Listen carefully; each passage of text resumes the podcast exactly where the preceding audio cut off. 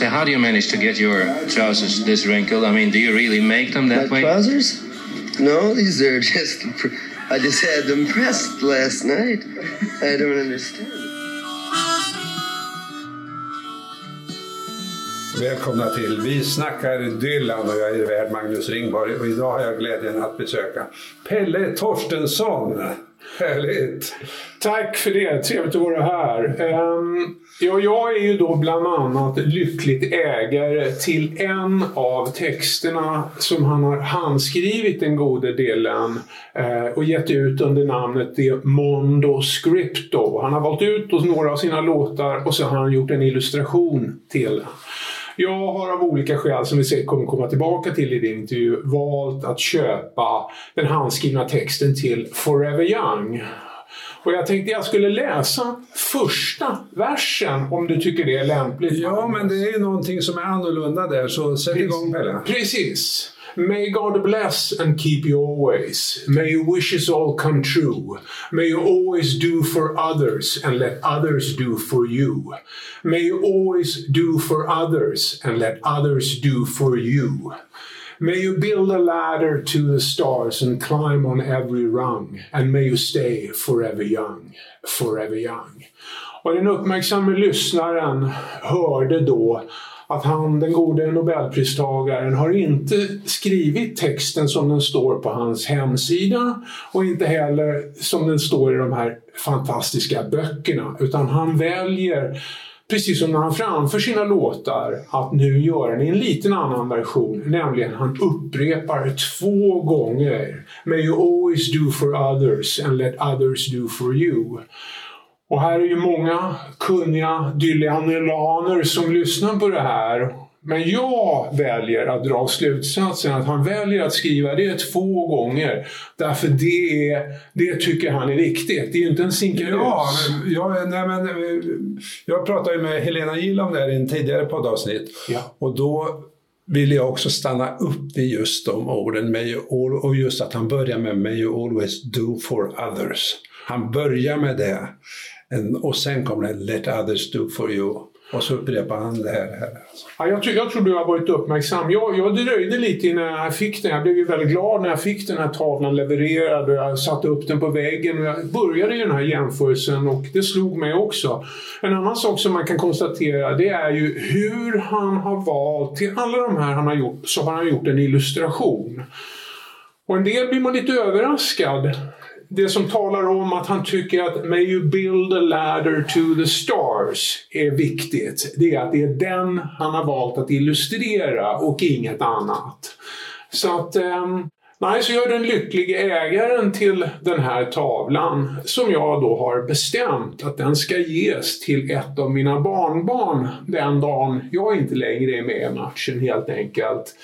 Precis som lite annat smått och gott som vi kanske ska prata om. Okej, okay. men du, när jag ser den här stegen som han har ju ritat det som verkligen går upp mot stjärnorna. Man ser också en månskära där uppe. Så tänker jag på en annan stege, nämligen ett järnvägsspår. Va? Ska vi flytta oss dit? Absolut.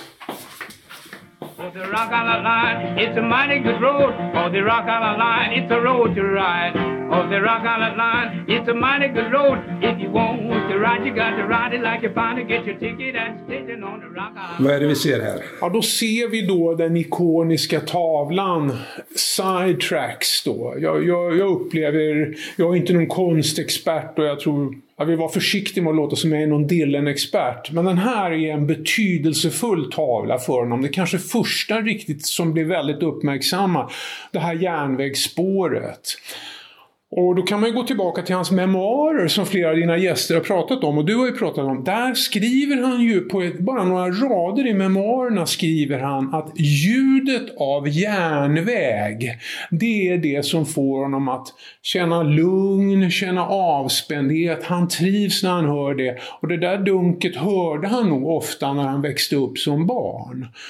Och den här tavlan då som jag själv tycker är fantastisk. Man kan man kan fundera på många saker när man ser den. Går tåget uppåt? Eller går tåget neråt? Ja, jag vet inte.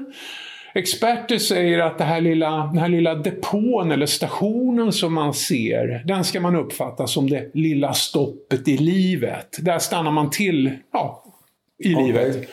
Och sen går resan vidare. Och den börjar från ingenstans och den slutar ingenstans. Och jag tycker den är, jag tycker den är fantastisk, eh, härligt Kan avkast. man ana bakom, bakom hörnet är slow train coming eller? Ja, vem vet? Vem vet om man inte kan göra det? Round the bend Ja. eller så. Det försvinner i, i fjärran men, men eh, nej, det är verkligen suggestivt att spåret smalnar och, och försvinner i någonting och så är det en väldigt, väldigt röd flammande himmel kan man säga där bakom. Och den finns i, tydligen i tio, jag tror att den finns i tio versioner han har gjort och då är det olika färger. Någon är dominerad, den här tycker jag är orange-röd och någon är blå och någon är...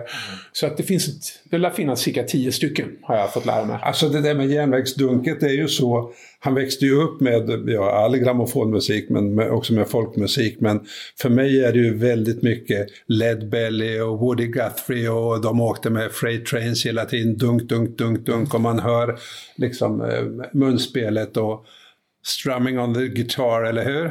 Ja, Jag tycker, jag tycker du beskriver jättebra man ser ju också hur viktigt det är i den här fantastiskt fina filmen eh, I'm not there, vad heter ja, den? ja. Där är också järnväg och tåg en viktig sak för honom, verkligen. Oh, that train I ride on is a hundred coaches long. You can hear the whistle blow a hundred miles. If that train runs right, I'll be home tomorrow night, cause I'm 900 miles from my home. And I hate to hear that lonesome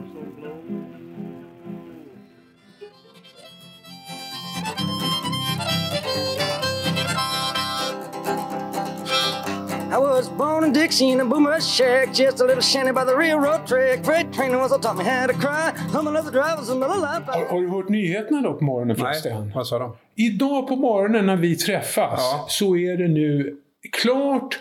Det blir en världsturné på tre år. Det, Jo, men det hörde jag för flera dagar sedan. Ja, du, du De kan, börjar sälja biljetter i eftermiddag. Du- du kan klockan mycket- fyra, klockan 16 så gäller det att hänga på där. Wow! Ja visst, det öppnar i början av, av eh, november. Någonstans i Wisconsin tror jag. Så går vidare till New York och slutar i Washington 2 december. Det är inte mer än rätt att du leder programmet. Du kan mycket mer än vad jag Helt kan. otroligt! Vet du. Men jag såg det idag. Jag tyckte, Ja, ja, ja, ja. jag tänkte nu kommer Magnus snart. Och idag ger han Undrar om år. åker järnväg mellan, mellan, mellan sina eh, konsertplatser Ja. alltså. Ja. Du, jag tror vi flyttar oss till ett annat ställe här som faktiskt har väldigt mycket med Dylan att göra. Ja.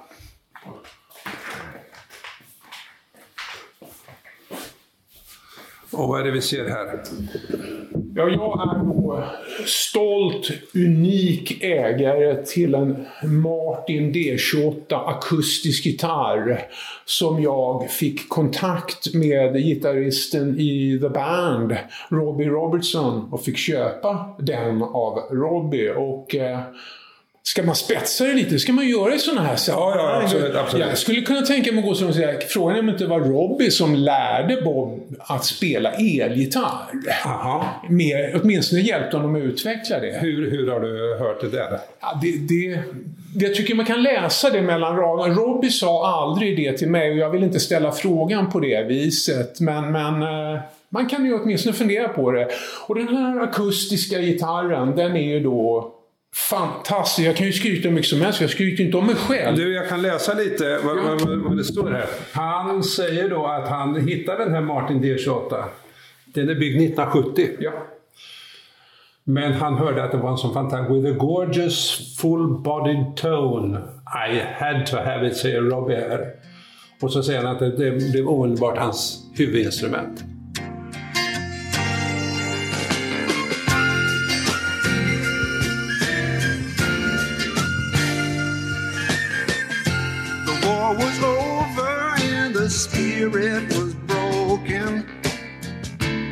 Hills were smoking as the men withdrew. We stood on the cliffs mm, and watched the ships slowly sinking to their rendezvous. They signed a treaty. Hur kom den i Dylans händer då?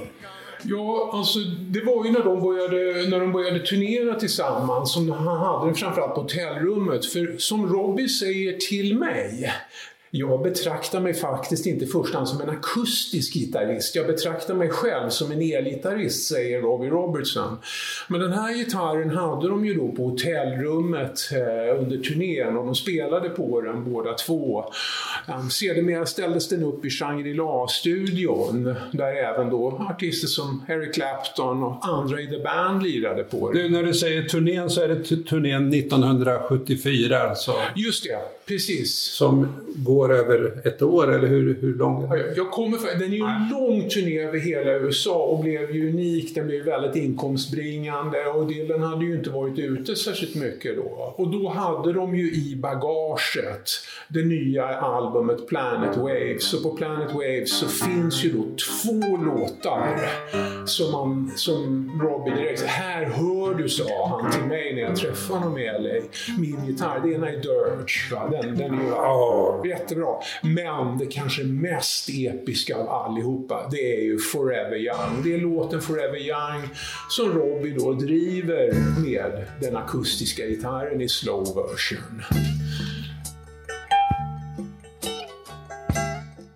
Det är denna Martin som vi ser framför oss. Den står på golvet här. Ja.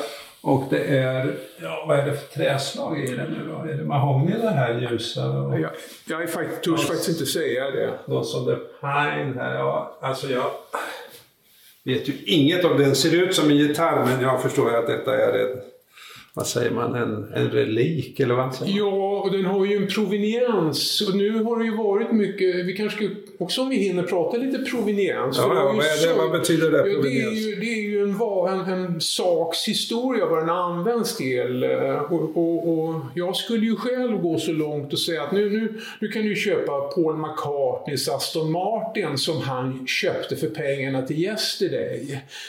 Du kunde köpa Marlon Brandos klocka som han hade på sig i Apocalypse Now. Men jag tycker ju att kan du köpa någonting med proveniens från själva skapelsen. Alltså jag har en gitarr som de har spelat på och använt och komponerat på.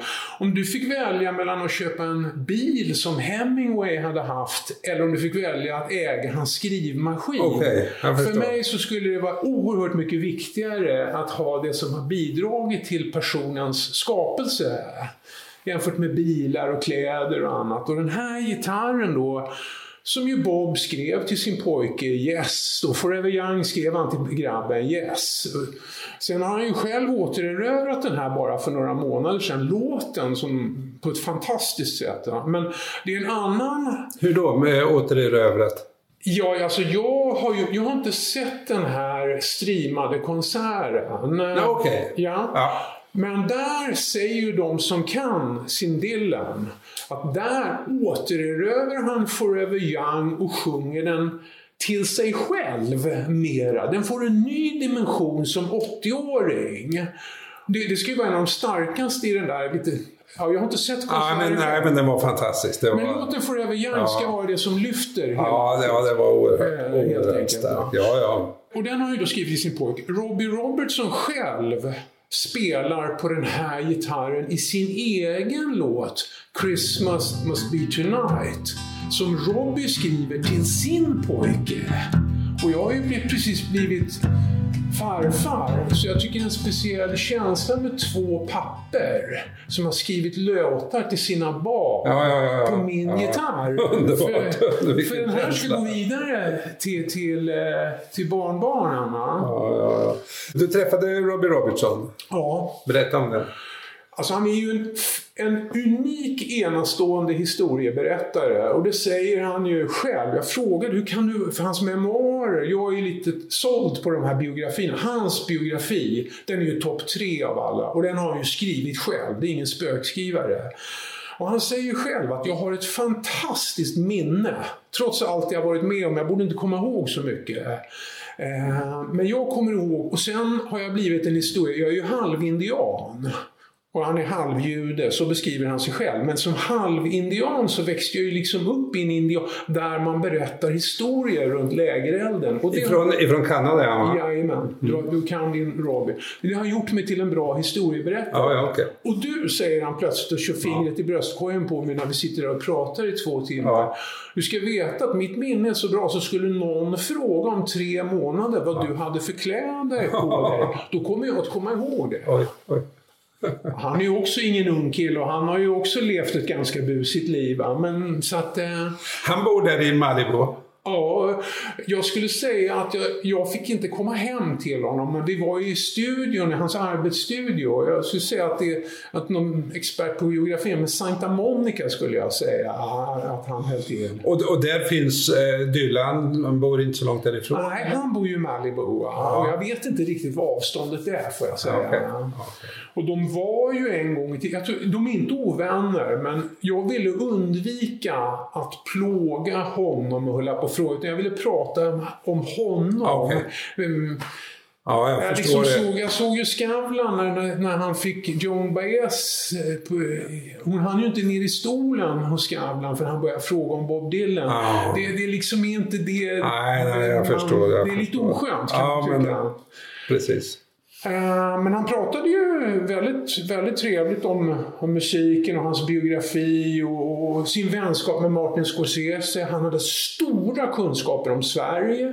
Han hade skickat brev till, han ville jobba med Ingmar Bergman. Ja, ja. Så han är säker på att sin, hans brev finns i Ingmar Bergman-museet. Ja, Han är ju vansinnigt filmintresserad. ja men sa, sa du då att, att eh, Jörgen Lindström är en hardcore... Nej, jag sa faktiskt Nej, men du vet, Ja, absolut. store Bergman-skådespelaren alltså, eller Lille som han var i Tystnaden ju. Han, han var ju för övrigt en fantastisk gäst i ditt program. Ja, visst. Ja, det var, Ja, visst! det var bara lyssna och njut. Ja, ja, ja. ja, cirklarna går ihop här på något sätt. För att prata om cirklar så tror jag att du har sagt i ett annat sammanhang att du fick kontakt med Robbie Robertson via Elliot det? Ja. Elliot Landys fotobok är ju jättefantastisk att få ta del av. Och, och du har ju haft honom så vi behöver inte prata kanske så mycket om honom. Men han hade faktiskt ett litet, litet faktafel i sin bok. Eh, och jag skrev ett artigt, vad är det John Lennon brukar säga, alla hatar en besserwisser. Så jag skulle vara noga med att eh, skriva fint och respekt. Ja, ja, säga, ja. jag, jag lever under ett annat... Och då svarar han jättetrevligt, du har helt rätt, det här stämmer inte och när nästa upplaga kommer så ska jag uppdatera den här Ja, saken. okej. Och sen började vi, och det var då jag kom på då, som jag själv tycker min briljanta idé, att fråga, kan du sätta mig i kontakt med Robbie Robertson? Frågade jag Elliot Landy som jag fotograferat och så. Och då svarade han, ja, jag kan, ja om du skickar till mig, mail, så garanterar jag att Robbie Mm. Ja, kommer att läsa, men jag kan inte lämna ut hans adress. Nej, nej, nej. Och då skrev jag det och eh, ja, då fick jag möjlighet att köpa den här unika gitarren som vi hör på så många ställen. Skulle vi spetsa det så skulle man kunna säga att det här fina bladet han har skrivit, Robbie Robbie, så man ser ju att den här killen kan ju skriva. Han har ju komponerat några av The Bands vassaste låtar. Han kan skriva, det råder ingen tvekan i det. Men jag kan ju ibland gå och tro, jag kan gå och ta mig rätten och tänka, han har ju utsett sig försiktigt vilka som har spelat på den. Det är Lennon själv, Clapton, The Band, Neil Diamond. Men en som ju var jättemycket och hängde där och blev inspirerad, det är ju George Harrison. Så i mina stunder kan jag ibland när jag går till gitarren tänka, tänk om en Beatle har lirat på den också. Ja. Men det vet vi inte. Okej, okej, vi får spekulera om det. Ja.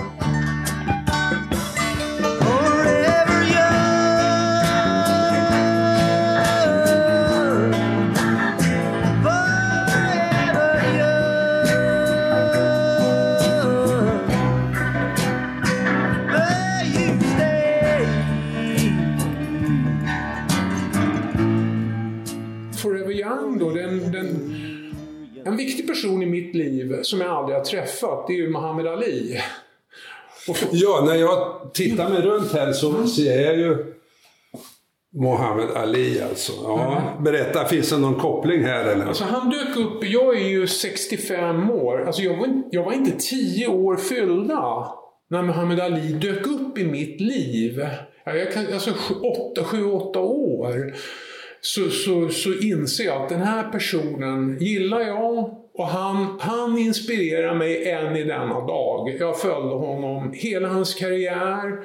En väldigt modig människa, både ur ett moralperspektiv och, och även då naturligtvis ett fysiskt mod. Att gå in och boxa sig är ju liksom ingen lätt sak. Ja. Och de fick ju faktiskt en koppling. För när Muhammad Ali, jag sitter och ser matchen på TV, kommer att erövra tungviktstiteln för tredje gången, vilket ingen hade gjort och fortfarande ingen har gjort. USAs, jag tror att det är mest kända, en av de mest kända journalisterna kommenterar matchen, Howard Cosell. Och i sista ronden, nu är det klart, Ali kommer att greja det här. Plötsligt så hör jag Howard Cosell börja recitera May your hands always be busy, may your feet always be swift från Forever Young. Och, och för mig är det, alltså det, det, det är så stort så jag kan... Det är nästan så tårarna rinner när, när, när, när han får samman så att säga. Ali, Dylan och Forever Young. Ja, ja, ja. Att, eh, Men finns det inte något i eh, Dylans tidiga Talking New York Blues eller någonting sånt där med att han drar in eh, Muhammad Ali? det kan inte jag svara. Du, Eller jag tycker- Cassius Clay tror jag han hette då. Och, eh, nej men du vet, eh, Cassius Clay han, han, han skriver sådana lite verser. va? Swing like, eh, st- sting Mm. like a bee eh, och allt vad det var. Han har det där lite talking blues-drivet som Bob har i sina tidiga. Ja, jag, tror, jag tror du kan mycket väl ha rätt, men jag känner inte till. Nej, nej. Men, men det är klart att, att man kommer ju aldrig förbi honom som... och det är ju inte ofta person. delen kommenterar dödsfall eh, på sin hem officiellt. Men när Ali dog så kommenterade han ju det. Det, liksom, det, det kommer han ju inte göra när jag dör. Då kommer inte delen att kommentera den saken. Det kan vi vara helt säkra på.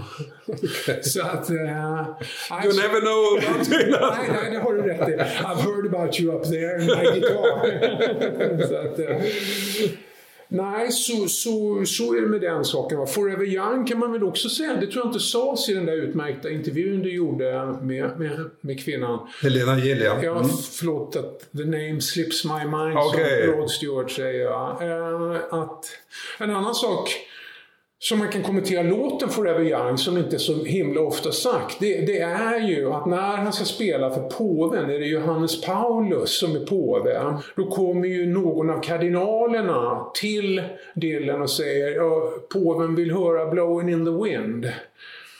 Och Dylan lär ju säga att en hum förbannade blowing in the wind förföljer mig. Det kommer icke att bli någon blowing in the wind idag.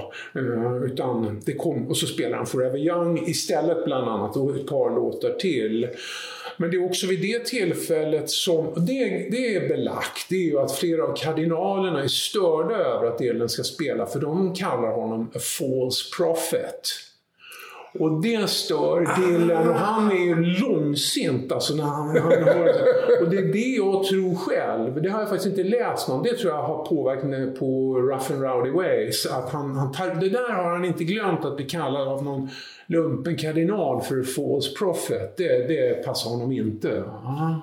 Så att, eh, Den var bra. Ja. Den var riktigt bra alltså. Okej. Du, vi, vi ska sätta oss ner vid eh, ditt bord här nu. May your hands always be busy. May your feet always be swift. May you have a strong foundation when the winds of change shift. Du, det här Forever Young, vad, vad kan man säga mer om den? Ja, man kan ju säga flera saker. Det, en är ju att, att den höll ju på att inte få komma med i sin version på, på albumet, slow version. Och han blir, ju, han blir ju störd av att en gäst i studion en kvinna som är, tror jag, en flickvän eller kvinna åt någon av teknikerna eller producenten vänder sig till Bob och säger ah, den här är ju rätt så soft. Are you getting mushy old man? Eller något liknande. Och det där, så, det där är ett känsligt område, så det där gör ju att nej, Så det är ju inte den enda låten i så fall som är bra, som inte skulle komma med på albumet. Men där spelar ju Robbie Robertson en stor roll och, och liksom verkligen övertygar att den ska med i slow... Och, och den slutar ju på första sidan i slow version och så är det en snabb version. Så, så den levde ju farligt. När han, Men du, vad betyder det? Marschi? Are you getting marschi? Ja, sentimental, soft, ja. mesig. Ja, ja, ja. Och, och, och han, hon, äh, hon glider ju redan där. Vad är det här 1973? Det ska vara i Arizona tror jag den är, att han håller på skriva. Han skriver den där och så kommer han till studion. Att, han- att, han, är en så, att han börjar bli gammal och är soft. Ja, ja, ja. ja. Det- Just det- Och det- så nu har vi nu 2021 och, och eh, han är on the road again. Du, eh, En annan sak Ja, ja. som, som, kan vara, som inte heller är så lika... De är inte så kända de här sakerna. Det kan ju vara värt för lyssnarna. Det är att den stora låten när Bob skriver Forever Young. Det är ju Neil Youngs uh, Heart of Gold. Alltså gitarr och, och, och, och munspel. Och den där, alltså en del är ju övertygade om att Neil Young och Dylan är, är liksom blodsbröder, vapendragare. Men när man läser vad som skrivs så gnager den där låten på Dylan. Den är ju liksom, kunde ju ha varit jag. Jag tycker de här raderna som Horace Engdahl pratar om i Highlands, ja, jag läser inte det som att han liksom gör tummen upp odelat till, till Neil Young. Nej, nej, nej. Jag är ju ingen expert på det här. Å andra sidan kan man ju vända på diskussionen och säga så här. Det är ju tre personer som man känner till att Bob Dylan har sökt upp deras hem. Den första, ja, det vet vi, det är ju John Lennon. Den, där åkte han ju med och knackade på dörren. Jag vill se hur Lennon bodde. Bruce Springsteen blev han ju arresterad av den här polisen eh, när han gick och smög utanför Bruce Springsteens gamla. Men Neil Young knackade han ju på dörren hos de som äger Neil Youngs barndomshem och sa att eh, kan jag få komma in och titta i Nils... Ja, han är ju han är motsägelsefull och sammansatt. Jag är inte så säker på när jag läser vad, vad, han, vad som sägs om Heart of Gold och hur det gnager på honom. Highlands tycker jag är märkliga kommentarer. Men det, det säger han alltså, I listen to Neil Young, va? bara som en bisats där. Han, ja. Ja, så, så det kan man väl kasta in om, om, om Forever Young. Eh, inte står det att han blir avundsjuk på den låten. Jag kan göra det bättre. Det är någonting i den stilen. Kan vara så, men när jag liksom... Han, mannen som är någon gud i den här världen, eh, Clinton Hagen. Ja, och avskydd av en del av dem. Ja, jag- han, jag tycker inte att jag tolkar det, kan tolka men, men du kan mycket väl ha rätt Magnus och jag påstår inte att jag. Jag kan inte säga att jag är tvärsäker på att det är som du säger. Eh, hur kom du in på Dylan? Jag är yngst av... jag har tre äldre bröder. Det är mina halvbröder, men vi växte upp tillsammans. Jag betraktar dem som mina bröder. Och, mina, och de drog iväg till USA. Min äldsta bror, han åkte alltså som utbytesstudent 1960. Det var ovanligt. Man åkte båt då. Det var så ovanligt så när min äldsta bror kom till USA och besökte Vita huset som utbytesstuderande gjorde. Då kom John Kennedy ut och hälsade på dem. Alltså det, när jag kom sen 73, då är det vardagsmat. Richard Nixon kom inte ut och hälsade på mig, det kan jag försäkra, och inte Spiro Agnew heller. Men mina tre äldre bröder gjorde att jag lyssnade ju aldrig på, på så att säga, barnmusik, utan det var ju liksom Tom Dooley med Kingston 3 och när de kom hem från USA, då, då, då hade ju inte, ja, naturligtvis Elvis och, och Beach Boys. Och där väcktes mitt musikintresse och då, då jag hade ju inte råd att köpa plattor. Det, det hade man liksom ett album, vad kostade det på den tiden? 30 kronor, vad det var i dagens penningvärde. Men det är klart, liksom, hörde man Positively Fourth Street och, och, och grejer som de spelade så gjorde det ju stora intryck på mig, helt klart. Inget snack om det. Sen tycker jag att det finns några, några egna, några ja, milestones sedermera i mitt eget Dylan-lyssnande. Sen följde jag honom. Jag kom ju till USA 73. Min amerikanska bror, han älskade Dylan och Joni Mitchell. Och det var då jag hörde Forever Young, och, när den släpptes. Och, och tänkte att jag vill bli en bättre människa. Jag tror att jag var en ganska oskön person eh, när jag kom dit. Eh, eh, helt enkelt. Men sen, sen skulle jag säga ett stort ögonblick, det var ju när jag såg honom på filmen The Concert for Bangladesh. Alltså då, och då fyrade han ju av några kanonlåtar. Och det kan man ju... Minns du vilka det var? Ja, It's a hard rain I'm gonna fall, Mr Tambourine Man, Blowing in the wind. It's a, eh, it takes a lot to laugh, it takes a train to cry. Sen kan det vara något mer. Och apropå låttitlar då, så, så George Harrison frågade ju honom kan du komma och han var ju väldigt vag och osäker om han skulle komma. Det var ju oklart in i det sista om han skulle komma. Men när det började närma sig så frågade ju Dylan George Harrison Ja, vad tycker du jag ska spela för låt om jag kommer, Bob? Eller George, frågade han. Och George Harrison svarade, Ja, du kan väl spela Blowing in the wind? Och Bob Dylan tittar på honom och spelar Are you gonna play I wanna hold your hand? Nej, svarar George. Nej. Men sen spelar han ju den. Och det, var- alltså, det var ju otroligt bra. Otroligt bra när han kom in och, och, och gjorde den helt enkelt. Va? Forever Young med The Band är ingen dum sak heller när han gör den. Men tack vare Tre äldre bröder så lyssnade jag tidigt, tidigt på, på icke-barnmusik och där dök ju Dylan upp helt enkelt. Och sen har det fortsatt. Ja, det tycker jag. Men som så många andra har jag ibland tappat honom. Jag, jag var ju skeptisk när han, när han kom in i den religiösa perioden tyckte jag inte om det, men det har jag omprövat nu. Jag tycker det är jättebra, eh, verkligen. Eh, så, så han går och kommer lite för en, men nu, jag, nu lyssnar jag jättemycket på Dylan. I, I mitt eget, när jag blir äldre, så, så, så och jag tycker han berör det ämnet utan att ömka sig eller någonting sånt. Vad är det han sjunger på Rough and Rowdy Ways? Jag går och lägger mig med livet och döden i sängen varje kväll. Det är, det är en tänkvärda eh, ord i någon av låtarna.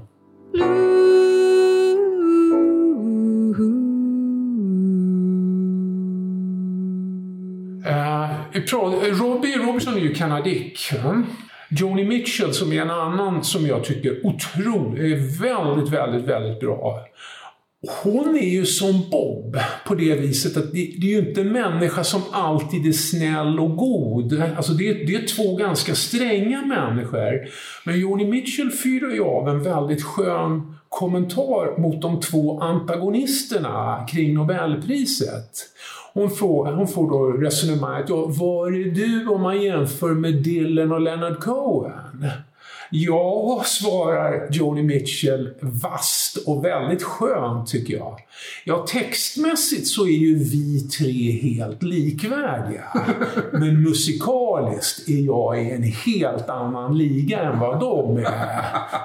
Hon har ju en poäng, men inte skulle Wayne Shorter ställa upp och spela med Bob Dylan. Jag tror inte det själv. Eh, och jag, jag tycker det är skönt när en kvinna kan nypa i sådär och jag måste erkänna att det är rätt. Alltså musikaliskt är hon ju fantastisk, Joni Mitchell. I like a lot of Bob's songs. Musically, he's not very gifted. You know, he's borrowed his voice from old hillbillies. He- He's got a lot of borrowed things. He's not a great guitar player. You know, he's, he's, he's, he's invented a character to deliver his songs. Sometimes I wish that I could have that character. You know, because, you know, you, you can do things with that character. You know, uh, it's a mask of sorts. Det står, du, det står ett par andra gitarrer här. Har de också proveniens? Eller? En av dem, den ena är, jag höll ju på att försöka själv. Jag eh, kämpar med mina barré-ackord. Eh, Och det blir ju inget vidare. Det säger ni inte. Men den andra gitarren, den Fendern där, den har jag köpt av, av Ronnie Wood eh, i Stones. Oj. Eh, helt enkelt. Och, och, så den har ju varit i Stones ä- ägo och, och troligtvis har Keith, både Keith och han lirat på den helt enkelt. Det som ju är, det är ju att Stones har inte samma minne tror jag som Robert. Så, så då, det går inte riktigt... Alltså, jag har ju köpt den och träffat Robbie och Robbie det är äkthetsintyg och allting sånt. Men den har liksom inte den här skrev vi Brown Sugar på eller den här Nej, det nej, hade vi i Madison Square. Nej, utan Ronnie Wood har haft den och han har signerat den och jag har den till och, och Stones har spelat på. Men den har inte riktigt samma proveniens på det sättet. Ja, ja, ja, jag förstår. Men du, skulle inte du kunna bara ta några ackord på den här famous uh, Forever Young-gitarren. Oj, oj, oj, oj, oj, oj, oj. Alltså.